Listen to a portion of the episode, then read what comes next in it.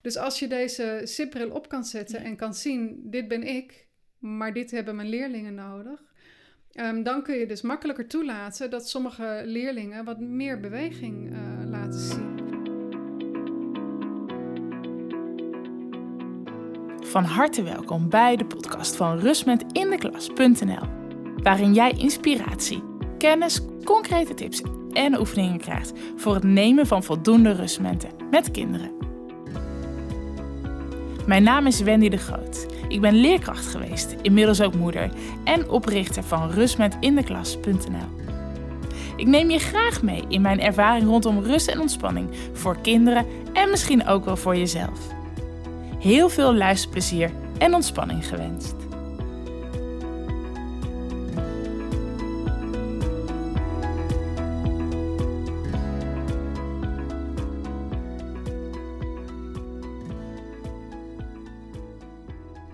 Nog steeds sta ik uh, aan tafel bij eh, Monique, Monique Toonsen. En we kennen haar van de Wiebelen en Friemelen boeken. Zij heeft net uh, al in de eerste aflevering veel verteld over prikkelverwerking, onderprikkeling, overprikkeling.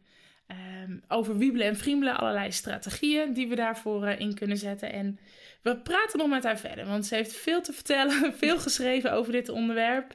En um, ja, daar wil ik gewoon nog wel meer over weten. Dus fijn dat je er nog steeds bent, uh, Helemaal goed, ik praat er graag over. Ik kan een hele dag doorgaan, dus uh, kom maar door. kom maar door. We hadden net even een klein stukje herhaling. In de eerste aflevering hebben we het gehad over een zipbril. Hè? Jij nodigt mensen uit om door een zipbril naar gedrag of storend gedrag te kijken. Kun je nog eens vertellen, wat is die zipbril? Ja, je kunt heel veel brillen opzetten. En uh, de zipbril is die van zintuigelijke prikkelverwerking. En dan kijk je naar gedrag met in je achterhoofd de vraag kan uh, het storende gedrag voortkomen uit onder- of overprikkeling? Ja, kan het storende gedrag. En storend gedrag, dat hadden we net ook even mooi gedefinieerd. Wat is ook weer storend gedrag? Nou, dat is het moment waarop een kind zich of een volwassene zich niet lekker voelt. Um, en daardoor ook niet goed kan focussen op de taak die er op dat moment voor hem ligt. En dat kan ook gewoon zijn dat hij zich moet aankleden thuis. Um, of dat hij moet luisteren naar een leerkracht uh, of zijn veters moet strikken. Ja. Als je daar niet de juiste um, alertheid bij hebt, dan uh, ben je of met andere dingen bezig of te sloom om, om te doen wat je op dat moment wilt en moet doen. Ja, dus, dus is ook wel mooi. Dus eigenlijk als je thuis vraagt, trek je schoenen aan en dat is nog steeds niet gebeurd, dan kunnen we ook die zipbril opzetten. Ja, zeker. Ja, ja dan uh, zou je bijvoorbeeld, uh, als, als kinderen dat altijd hebben, hè, bijvoorbeeld bij het aankleden, zoals dat dat ontzettend lang duurt, ja. om, omdat ze gewoon nog een beetje sloom zijn, dan kun je denken van, oh, nou, dan ga ik uh, muziek opzetten en altijd dezelfde muziek, want dat brengt je lichaam een beetje in een soort focus van, oké, okay, deze muziek betekent aankleden. Ja. En dan kun je al dansend je kleren aantrekken. En daardoor is een kind wat alerter, wat actiever. En gebeurt het sneller. Ja, ja kijk, hebben we gelijk de eerste tip alweer yes, binnen. Yes, Die is wel een, een, hele mooie, inderdaad. Um, we hebben net vooral gepraat over um, kinderen individueel. Wat kun je bij een kind zien? Welk gedrag herken je? Um, als er nu is naar de leerkracht kijken of naar de ouder of de kindercoach of de BSO-medewerker die nu luistert. Hè? Um, je schrijft ook in een van je boeken, word je eigen prikkelmanager. Ja, ja, want het is ook wel belangrijk om te weten, om naar jezelf te kijken en te weten welk prikkeltype ben ik. Um, als we het bijvoorbeeld over de ouder hebben en het is een ouder die uh, heel veel prikkels heel erg fijn vindt. Um, dus die heeft uh, altijd uh, muziek op staan en mensen over de vloer en ja, heel, er, er, is veel gaande. We gaan uh, veel uitjes doen. Maar stel nou dat je een kind hebt dat uh, snel overprikkeld raakt. Dan, um, als je dat niet van elkaar weet, dan ben jij dat kind um, aan het vragen om heel veel prikkels te ondergaan. Terwijl die daar heel zagrijnig van kan worden. Dus dat, dat is wat lastig dan. Dan ja. is er irritatie. Als je weet van, oké, okay, ik vind het heel erg fijn om heel veel prikkels te hebben. Dus om die radio aan te hebben en om lekker uit te gaan en uh, veel uitjes. Maar ik weet dat mijn kind dat moeilijk vindt. Want die vindt het lastig om heel veel verschillende prikkels um, te verwerken. Uh, dan kun je dat wat beter op een ander schema zetten. Dat als je in een weekend uh, één uitje doet, in plaats van één zaterdagochtend naar de speeltuin en smiddags op bezoek. En zondag gaan we ook nog wat leuks doen. Um, waarschijnlijk is het weekend dan niet zo prettig, omdat je kind misschien wat geïrriteerd en boos en mokkend is. Terwijl als je één uitje doet, uh, het weekend veel fijner is. En dan misschien kun je zelf um, um, iets extra's nog gaan doen, maar dan zonder je kind. Want die vindt het genoeg als hij naar de speeltuin geweest is. Ja, ja mooi. Duidelijk. Dus kijk naar wat voor type ben ik hou ik juist van veel prikkels? Of het kan natuurlijk ook andersom. Hè? Je geeft nu natuurlijk het voorbeeld van de ouder die van veel prikkels houdt en het kind van minder. Hoe ziet het er andersom uit? Ja, nou als je bijvoorbeeld naar de klas kijkt en je hebt een leerkracht die snel overprikkeld raakt, die um, rust heel fijn vindt, die zal heel snel tegen de kinderen zeggen van zit stil en let op. Want dat is iets wat voor jou werkt. Als je stil zit en er is niet zoveel gaande, kun jij je focussen. Zo werkt jouw prikkelverwerking. Als je dan in de klas kinderen hebt die juist een beweegbehoefte hebben en die focus niet kunnen behouden als ze stilzitten, uh, dan is zit stil en let op. Dan moet je een keuze maken. Wil je dat ze stilzitten of wil je dat ze opletten? Want tegelijkertijd kan niet. En voor jou geldt dat wel. Dus als je deze zipbril op kan zetten en kan zien: dit ben ik, maar dit hebben mijn leerlingen nodig. Um, dan kun je dus makkelijker toelaten dat sommige leerlingen wat meer beweging uh, laten zien. Omdat je weet, oké, dat hoort bij uh, hun manier om te kunnen focussen. En daardoor gaat mijn les ook beter. Daardoor kunnen ze namelijk beter opletten. Want als je het niet toelaat, uh, je zorgt ervoor, hè, zit stil en let op, ja. dan, dan krijg je storend gedrag. ja. ja dan, dan gaan ze toch wiebelen en toch op twee poten en toch opstaan en mag ik naar de wc. De wc is een hele mooie smoes. Ja.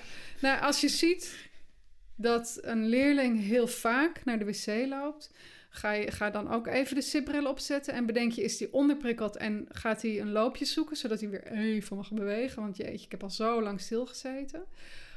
En het kind kan ook uh, overprikkeld zijn en dus even de klas ontvluchten om even rust op te zoeken. Nou, verschil zie je vrij makkelijk, want aan de ene kant iemand die onderprikkeld is, die is of heel druk uh, bezig met nieuwe prikkels zoeken um, om toch maar meer binnen te krijgen, of die is heel loom en slaperig. Dus dat zijn de onderprikkelden. Dus die zijn of heel enthousiast of wat te ontspannen. En aan de andere kant heb je de overprikkelde types. En die, daarvan weet je, die zijn snel geïrriteerd. Die zijn snel boos. Die willen heel graag dingen regelen. Um, uh, controleren wat er gebeurt. Want dat is namelijk heel vaardig. Ja.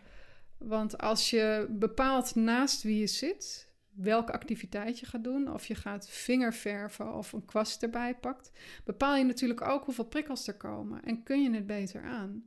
Ja. Dus als jij een kind ziet dat, dat uh, heel controlerend, regelend bezig is, dan kun je ook bedenken van nou, misschien is dat wel een hele vaardige strategie. En daar waar het dan vervelend wordt omdat het kind bijvoorbeeld manipuleert, dan kun je bedenken van ja, zijn er misschien prikkels waar ze last van heeft? Ja. En als we daar kunnen dempen met strategieën, misschien is ze dan veel minder controlerend, manipulerend. Ja. Ja, ja, mooi. Dus eigenlijk um, zeg je nu twee dingen. Hè? Even terug naar het voorbeeld van de wc. Het is eigenlijk hetzelfde gedrag. Je ziet dat een kind vaak naar de wc gaat, maar dat kan dus twee oorzaken hebben. Het kan het ontvluchten zijn omdat het eigenlijk te druk is. Het kind wil juist ontprikkelen, meer die rust opzoeken. Uh, of het heeft juist het loopje nodig van die prikkels naar die wc en even daar die handen wassen, nog meer dat water over die handen heen. Ja, en dat is als je dus voor de klas staat en je, je bent zelf uh, geneigd om, om prikkels te dempen. Um, ja, dan kan het zijn dat een deel van de klas daardoor niet mee kan komen. En andersom natuurlijk ook, hè, want mijn, mijn uh, zoon had een hele leuke leerkracht in groep 5. En uh, die doet ook theater. En die ging wel eens letterlijk op tafel staan met zijn gitaar en een liedje doen. Als je dan weet dat je overprikkelde kinderen in de klas hebt zitten, dan kun je zeggen van nou, we gaan een liedje doen. Je, als je wilt kun je achter in de klas gaan zitten. En dan komt het wat minder hard binnen. Ja. En misschien moet je zelf er even de oorkappen opzetten en dan kun jij ook mee genieten, maar wel met wat gedemptere prikkels.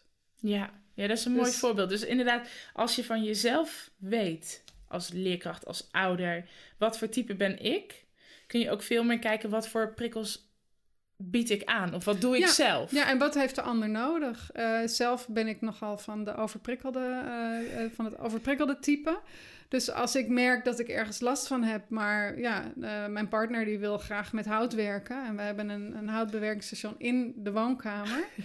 Ehm, ja, als ik daar last van heb en hij is lekker bezig, ga ik gewoon even boven zitten. Ja. En als hij veel lawaai gaat maken, dan waarschuwt hij. En Nou, ik heb hier ook een stel oorkappen liggen. Ja. Ehm, of ik ga naar muziek luisteren of Ja. zo. Ja, zo kun je rekening met elkaar houden. Ja, ja, dat is wel heel mooi. Dus door te ontdekken wat voor type jij zelf bent, kun je rekening met elkaar houden. Met wat Ja. jij nodig hebt. ehm, maar ook kun je begrijpen wat kinderen waar jij op dat moment waarschijnlijk de voorbeeldfunctie voor bent nodig Ja. hebben. Ja, mooi. En als ze nu meer willen weten over eh, hoe zit het nou met mijn prikkelverwerking, wat adviseer je?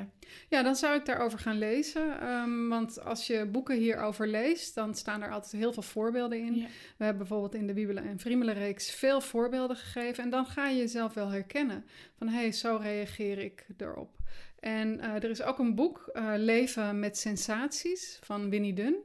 En dat is ook een hele mooie. Zij heeft interviews gehouden eh, met mensen een jaar lang. En, en daar komt dus naar voren van hoe, wat is jouw prikkeltype? En wat betekent dat voor jou op het werk, voor jou in je relatie, voor jou met je kinderen? Welke hobby's heb je? Dus als je daarin geïnteresseerd bent, is het heel leuk om te lezen. En ehm, ik heb op de site zevenzintuigen.nl ook ehm, de vijf types, hè? want neutraal zit Ja. er ook bij. En Ja. onderprikkeld heeft twee types en overprikkeld heeft twee types. En daar heb ik een aantal voorbeelden gemaakt van ehm, bijvoorbeeld de situatie barbecue, de situatie ijsje eten, de situatie kamperen. En daar staan alle vijf types in en hoe reageren die in die situatie. Ja. Nou, daar zal je denk ik al vrij snel reageren van, oh, dat ben ik. Dat ben ik. Zo Ja. reageer ik altijd. En misschien ook de voorbeelden, oh, dat is dan mijn kind of dat is dat kind, die leerling in de klas, Ja, oh, die is- van die stoel afvalt. Dat is heel leuk in de trainingen, want als we een tijdje onderweg zijn, zo één à twee uur onderweg zijn in de training, dan, eh, dan, dan zie ik glimmende ogen en dan denk ik, oh, ik, mijn collega of mijn partner en ik, ja. dan, dan weet je een beetje welk type je bent. Ja. Dus ja, ga daarover lezen en, en bedenk bij de voorbeelden, eh, waar zit jij zelf? Ja, ik zet in de show notes van deze aflevering ook de boektitels eh, neer. De boektitel die je noemt, je website. Dus daar kunnen we de luisteraars ook nog ja. verder eh, lezen. Ehm, en als we dan dus weten meer over onszelf, wat voor type ben ik, en dat je dus leert met die zipbril te kijken naar gedrag van kinderen, maar dan als ik het vertaal naar de klas, 30 kinderen tegelijk. Ja, ja, ja. ja. En nu, eh, hoe gaan we dat aanpakken? Heb je eh, adviezen om op groepsniveau hiermee aan de gang te gaan? Jazeker, er zijn eh, eh, groepsstrategieën die je kunt doen. En in de adviezen die wij in de Wiebelen en Vriemelen reeks geven, staat dan ook... ehm, soms doe je het met de hele groep. Eh, bijvoorbeeld een, een kalmerende eh, oefening. Omdat je net hebt verteld waar het schooluitje heen gaat... en iedereen staat op tafel te dansen en jij wilt weer door. Ja. Eh, dan kan je iets kalmerends doen. Maar ehm, als je dan bijvoorbeeld een leerling erbij hebt waarvan je denkt, die is kalm genoeg, die moet juist zelfs nog een beetje actiever worden, ja, die hoeft dan misschien niet mee te doen met die Ja. oefening. Ehm, en hetzelfde met ehm, een, een activerend iets, wat ik heel erg leuk vind, is eh, dat je met de klas een klassenjel bedenkt. Mhm. 7B, EOK, eh, met bewegingen erbij en klappen en stampen, weet je. Dan ben je binnen 30 seconden, heb je de hele klas er weer bij. Ja. En dan kan het zijn dat er een leerling bij zit die heel erg overprikkeld is Ja. en die daar misschien last van heeft. Ja. Hetzelfde verhaal. Wil jij meedoen? Dan ga je maar achter in de klas staan, eventueel oorkap op, kan je meedoen. Of loop jij even naar de wc en als je terugkomt, dan is de jel weer voorbij. Dus op die manier kan je groepsgewijs kijken van ga ik echt wel de hele groep ehm, betrekken. Maar je hebt het er ook over. Je zegt ook van ik zie dat jullie wat slaperig zijn, dus ik ga jullie nu even een activerende Ja. oefening geven. En dan leren le- leerlingen ook van elkaar wat heeft de een nodig en wat heeft de ander nodig. Ze begrijpen beter waarom iemand heel onrustig aan het bewegen is. Ehm, als ze gezien hebben van, oh ja, die, die doet meestal een aantal stoelpush-ups en dan kan die beter werken. En dan raken ze ook niet zo geïrriteerd van elkaar. Stoelpush-ups. Ja, stoelpush-ups. ze, maar ja, voor de luisteraar. Ja, ja, Dan, dan zet je, je je handen op de zitting. Of als je leuning hebt, zet je ze op de leuning. Voeten van de vloer. En dan duw je jezelf op. eh, dus je billen van de zitting af. En dat kan je dan bijvoorbeeld vijf keer doen. En dat kun je klassikaal doen. eh, want dit is ook een fijne voor overprikkelden. Want je raakt door beweging ook spanning kwijt. Ehm, en dit kun je klassikaal doen, maar je kunt ook bij de rekenles een, een picto of een plaatje op iemands tafel leggen van een stoel push-up. Zodat ze zien van, oh ja, na een paar sommen moet ik even een paar push-ups doen en dan kan ik weer goed verder. Weer alert ben en weer verder kan. Dus het, het, um, het feit dat je ermee bezig bent, dat je het erover hebt, laat kinderen zien, iedereen heeft zo zijn eigen behoeftes. En door um, de oefeningen samen te doen of te zeggen van nou, jij hoeft deze keer niet mee te doen, want je bent alert genoeg. Uh, ja, leren ze, iedereen heeft eigen behoeftes. Maar een van de behoeftes, denk ik, die iedereen wel heeft, is om, um, om te leren uh, voelen in hun lichaam. Wanneer is het even helemaal genoeg? Wanneer is, is er nu heel veel opgestapeld en heb ik bijvoorbeeld een zwaar of een moe gevoel? En moet ik even ontprikkelen of even rust zoeken? En dat vind ik heel mooi van rustmomenten in de klas dat, um, dat leerlingen leren hoe kan ik ontspannen? Met welke oefeningen kan ik dat doen? En dan kan het best zijn dat op het moment dat je die oefening doet, dat ze op dat moment niet helemaal toe zijn aan ontspannen. Dat het niet nodig is. Maar, maar ze leren daardoor wel hoe ze het kunnen doen. Ja. En dat is een belangrijke vaardigheid. Ja, ja dank je. Ja, dat is inderdaad wat, wat ik inderdaad ehm, ja, aanbiedt met, met rustvaardigheid. Dat je, wat jij heel mooi zegt, dat je leert voelen in je lijf. En om dat te voelen heb je echt even die rust nodig. Want als je maar doorgaat, kun je niet voelen hoe het met je gaat. Nee. Dus even door middel van rust kun je voelen hoe, in je lijf. En dan kan je kijken, oké, wat heb ik nu nodig of hoe ga ik nu weer uh, verder? Mooi. En dat is echt iets wat je moet leren. Dat is uh, in, in de eerste aflevering hadden we het over acht zintuigen. En onder andere de interoceptie. Mm En dat is het gevoel van uh, binnen in je lichaam. En, en dat is inderdaad van, zijn mijn spieren een beetje trillerig, uh, klopt mijn hart te snel, krijg ik het heel erg warm, uh, voel ik een zware arm of een zwaar hoofd. Um, en, en dat zijn dingen die, die moet je leren koppelen aan en wat betekent dat nou voor mijn lichaam? Ja. Dus als je daar stil bij staat, dan kun je uiteindelijk leren, oh, dit gevoel betekent, nu moet ik even op de rem gaan staan. Ja. Als ik nu doorga, wat, het werk wat ik ga doen, gaat niet efficiënt zijn. Ja, ja, mooi. Dankjewel voor deze aanvulling. Um, dus eigenlijk zeg je, uh, op groepsniveau kun je zeker aan de gang. Maak bespreekbaar wat je doet. Dus zeg dat het een activerende oefening is, of misschien juist een kalmerende oefening. Uh, doe die samen. Misschien dat je op een gegeven moment al wel feeling krijgt met kinderen in de klas. Al voor jou hè, werkt dit niet. Even, nou, als jij naar de wc loopt, is het ook goed. Ja. Um, en aan de gang gaan met ontspanningsoefeningen of even leren rust te nemen om even te voelen hoe het met je lijf is, is eigenlijk zinvol voor iedereen. Absoluut, ja, dat zouden ze in alle klassen moeten doen. Ja, ik denk dat, dat we dat in deze maatschappij een beetje vergeten. Dat, dat, um, dat je ook af en toe even moet stoppen met dingen doen en... en er kan zoveel. Hè? Er zijn zoveel dingen die je kunt gaan doen qua hobby's, qua sporten. Uh, dingen lezen, dingen leren. Um, het, is, het is nooit, nooit genoeg.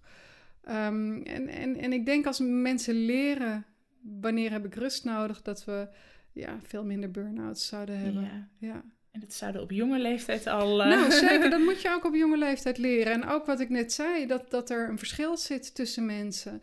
Want ehm, er zijn hè, 15 tot 10, 20 procent is hoogsensitief. En die hebben wat dat betreft veel meer rustmomenten nodig, omdat het veel eerder al die prikkels overspoelen en het heel veel energie kost. En rust, eigenlijk zou ik zeggen, bijna rust durven nemen, is misschien iets wat mensen niet, niet ja, niet durven. Nee, het voelt als we moeten nog zoveel doen, we kunnen beter ja, doorgaan. Ja, en hoezo, kan ik nu een dagje ertussenuit? Uh, de rest werkt ook door. Ja. Het, het is voor iedereen anders. En ja. voor die 15 of 20 procent is, is het echt anders. Ja. ja, over hoogsensitiviteit is ook nog een hele leuke andere podcast inderdaad opgenomen met Esther Bergsma. Um, ja, dus dat komt veel meer voor dan dat we ja. denken. En daar kunnen we zeker ehm, in de klas ook rekening mee houden. Ja, en, en je ziet gelukkig dat er steeds meer informatie uh, um, uitkomt over hoogsensitiviteit. En, en wat we daarmee kunnen. En dat het ook van belang is om daar aandacht aan te hebben. Want ja, uh, het is nogal um, moeilijk voor de economie als die mensen uitvallen. Ja. ja. Dat 15 tot 20 procent is heel erg veel. Ja. En ja, het is mooi Um, dat we daar gewoon meer aandacht voor hebben. En we zien ook, hè, Elke van Hoof uit uh, België doet er heel veel onderzoek naar.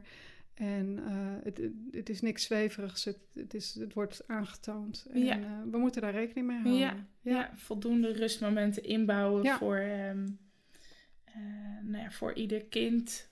En uiteindelijk dat je daarmee een vaardigheid leert voor ook op latere leeftijd om die Ja. burn-out. eh, Ja, dus op dit moment moeten we het als... eh, ja, en op dit moment moeten we dat dus als volwassenen voordoen aan de kinderen. ja. Ja, zodat ze niet net als wij eh, allemaal ja, omvallen. Omdat we niet geluisterd hebben naar wat we nodig hebben. Ja. ja, ja. En zeker veel luisteraars, denk ik. hè, De burn-out zit natuurlijk veel in de groep leerkrachten of Ja. pedagogische medewerkers hoort ook steeds meer. ehm, dus daar is het zeker interessant voor wat je nu. eh, Ja, je moet luisteren naar je lichaam. En ik, ik merk ook dat mensen vertellen die eh, toch omgevallen zijn, ehm, dat ze daarna echt zoveel beter omgaan met wat ze nodig hebben. Dat, Ja. dat was er blijkbaar voor nodig, hè, Ja. het omvallen, om je te realiseren ehm, ehm, hoe, hoe, hoe moet ik verder? Hoe kan ik gezond verder? En het is een beetje jammer dat dat er voor nodig is. Dus als wij de kinderen nu al kunnen leren, ehm, hoe maak ik ruimte voor mezelf en hoe creëer ik rust voor mezelf, ja, dan hebben we heel veel gewonnen. nou kijk, daar gaan we voor. Ja. Dat, we, dat we onszelf, eh, als ik even samenvat waar we het nu over hebben gehad, dat we kijken naar wat voor type prikkelverwerking of wat voor prikkelfilter heb ik, hoe ga ik met prikkels om. En dat je uiteindelijk, doordat je het ook voor jezelf weet, ook naar kinderen toe kunt vertalen en daarmee rekening kunt houden, op groepsniveau mee aan de gang kan gaan. Ja. Eh, storend gedrag gewoon op een andere manier kunt zien. Storend gedrag overigens niet alleen maar onrust, maar ook voor het kind zelf om tot leren te komen. Ja, ja, want ja, je voelt je dan niet optimaal. Kinderen willen het graag goed doen. Ja, Die zijn niet voor niks eh, Nee. ehm, ehm, ja, gedrag la- laten zien.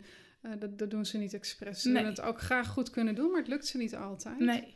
Dus met deze extra bril op kun je ze ondersteunen daarin. Ja, kunnen we verder kijken. En dan zien we inderdaad dat, dat het ervaren van voldoende rust, het nemen van rustmomenten, het durven nemen van rust ook voor eh, de kinderen zelf en ook voor de, de voorbeeldfunctie die je, de ouder, de leerkracht, eh, essentieel ook is. Ja, absoluut. Toch? Ja. Nou, kijk, mooi. Ehm, en ehm, in de vorige podcast vroeg ik het al even, maar ik vraag het nog een keertje. Waar kunnen we meer over jou, eh, wat jij vertelt, wat je doet, te weten komen? Ja, op de site zevenzintuigen.nl. eh, de Wiebelen en Vriemelen reeks. Dus als je zoekt op Wiebelen en Vriemelen en wellicht zet je er een link Ja. onder, dan eh, vind je de, de boeken die daarover gaan. En ik heb een Facebookpagina die heet Zeven Zintuigen. Dus mocht je Facebook volgen, dan eh, kun je me daar ook vinden. Zeven zintuigen, een mooie aanrader. Ja, ehm, we hebben ook het samen gehad over een winactie. Ehm, vertel Monique. Ja, nou, ik heb eh, het allereerste boek wat we schreven was Wiebelen en Friemelen in de klas. Eh, dat is in 2015 uitgekomen. En dat hebben we al een eh, aantal keer herzien. En ik geef een van de boeken mee. Dus die kunnen jullie winnen. Ja, daar, ga ik, daar gaan we een mooie actie voor maken. Die kun je ook vinden in de show notes, wat je daar precies voor moet doen. Dus leuk als je daarop reageert. Ehm, het boek dus Wiebelen en Friemelen in de klas. En aan het einde van de podcast vraag ik altijd een afsluiter, een oefening, een quote. Net gaf je al een korte quote. Heb je nog wat moois te delen met ons? Ja, eh, wat ehm, eh, heel fijn is om te doen is eh, eh, doe je ogen dicht. En ehm, pak je oren vast. En dat kan eerst aan de bovenkant zijn. En trek dan je oren naar boven toe. Heel langzaam, maar best wel met veel kracht. En dan weer langzaam loslaten. Dan pak je de zijkant van je oren vast. En dan doe je hetzelfde. Je trekt ze naar buiten toe. Dus een beetje van je hoofd af. En dan laat je weer los. En dan ga je weer iets verder naar beneden. Pak je de oorlelletjes vast. En dan trek je schuin naar beneden toe. En weer los. Nou, dit is ook iets wat je ehm, bij, je bij je kind eh, kunt doen. Dus als je die eh, op de bank legt voor je en je pakt die oren vast en je gaat daar stevig, maar langzaam een beetje aan trekken. Ja, dat geeft een heel prettig gevoel. Ja, Niet iets waar je direct aan zou denken. Nee, zeker niet. Aan het trekken van je oren. Ja, Inderdaad, eerst bovenop, dan aan de zijkant en aan de onderkant iets schuin van je af met een wat stevigere druk, zodat je het echt goed eh, kunt voelen. Ja. Mooie oefening. Leuk. oké. Nou, dankjewel eh voor het delen van jouw kennis, ervaring, enthousiasme. Ja, heel graag gedaan. Ik, eh, ja, ik vlieg, ik heb zulk leuk werk. Ik vind het zo leuk om te doen en om te delen. Dus eh, heel graag gedaan. Nou, dankjewel. Superleuk dat je weer luisterde naar deze podcast van Rustment in de Klas. Wist je dat je heel makkelijk een review achter kunt laten om te laten weten wat je van deze podcast vindt? Het is heel gemakkelijk. Ga naar de podcast-app waarmee je deze podcast hebt beluisterd en klik op review. Geef bijvoorbeeld 5 sterren en misschien wel een geschreven reactie. Dank je wel. Ben je enthousiast geworden en wil jij ook korte ontspanningsoefeningen doen met kinderen in de klas of misschien wat thuis? Vraag het gratis kennismakingspakket aan op www.rustmetindeklas.nl. Dan krijg je toegang tot een aantal filmpjes om samen kennis te maken met Mike en Vee. Neem hier ook gelijk een kijkje in mijn workshop en trainingsaanbod. Je kunt rustmetindeklas.nl ook volgen op Facebook, Pinterest en Instagram. Via deze kanalen kun je deze podcast ook delen door bijvoorbeeld een screenshot te maken van je scherm nu. Deel deze en tag dan Rustmet in de klas.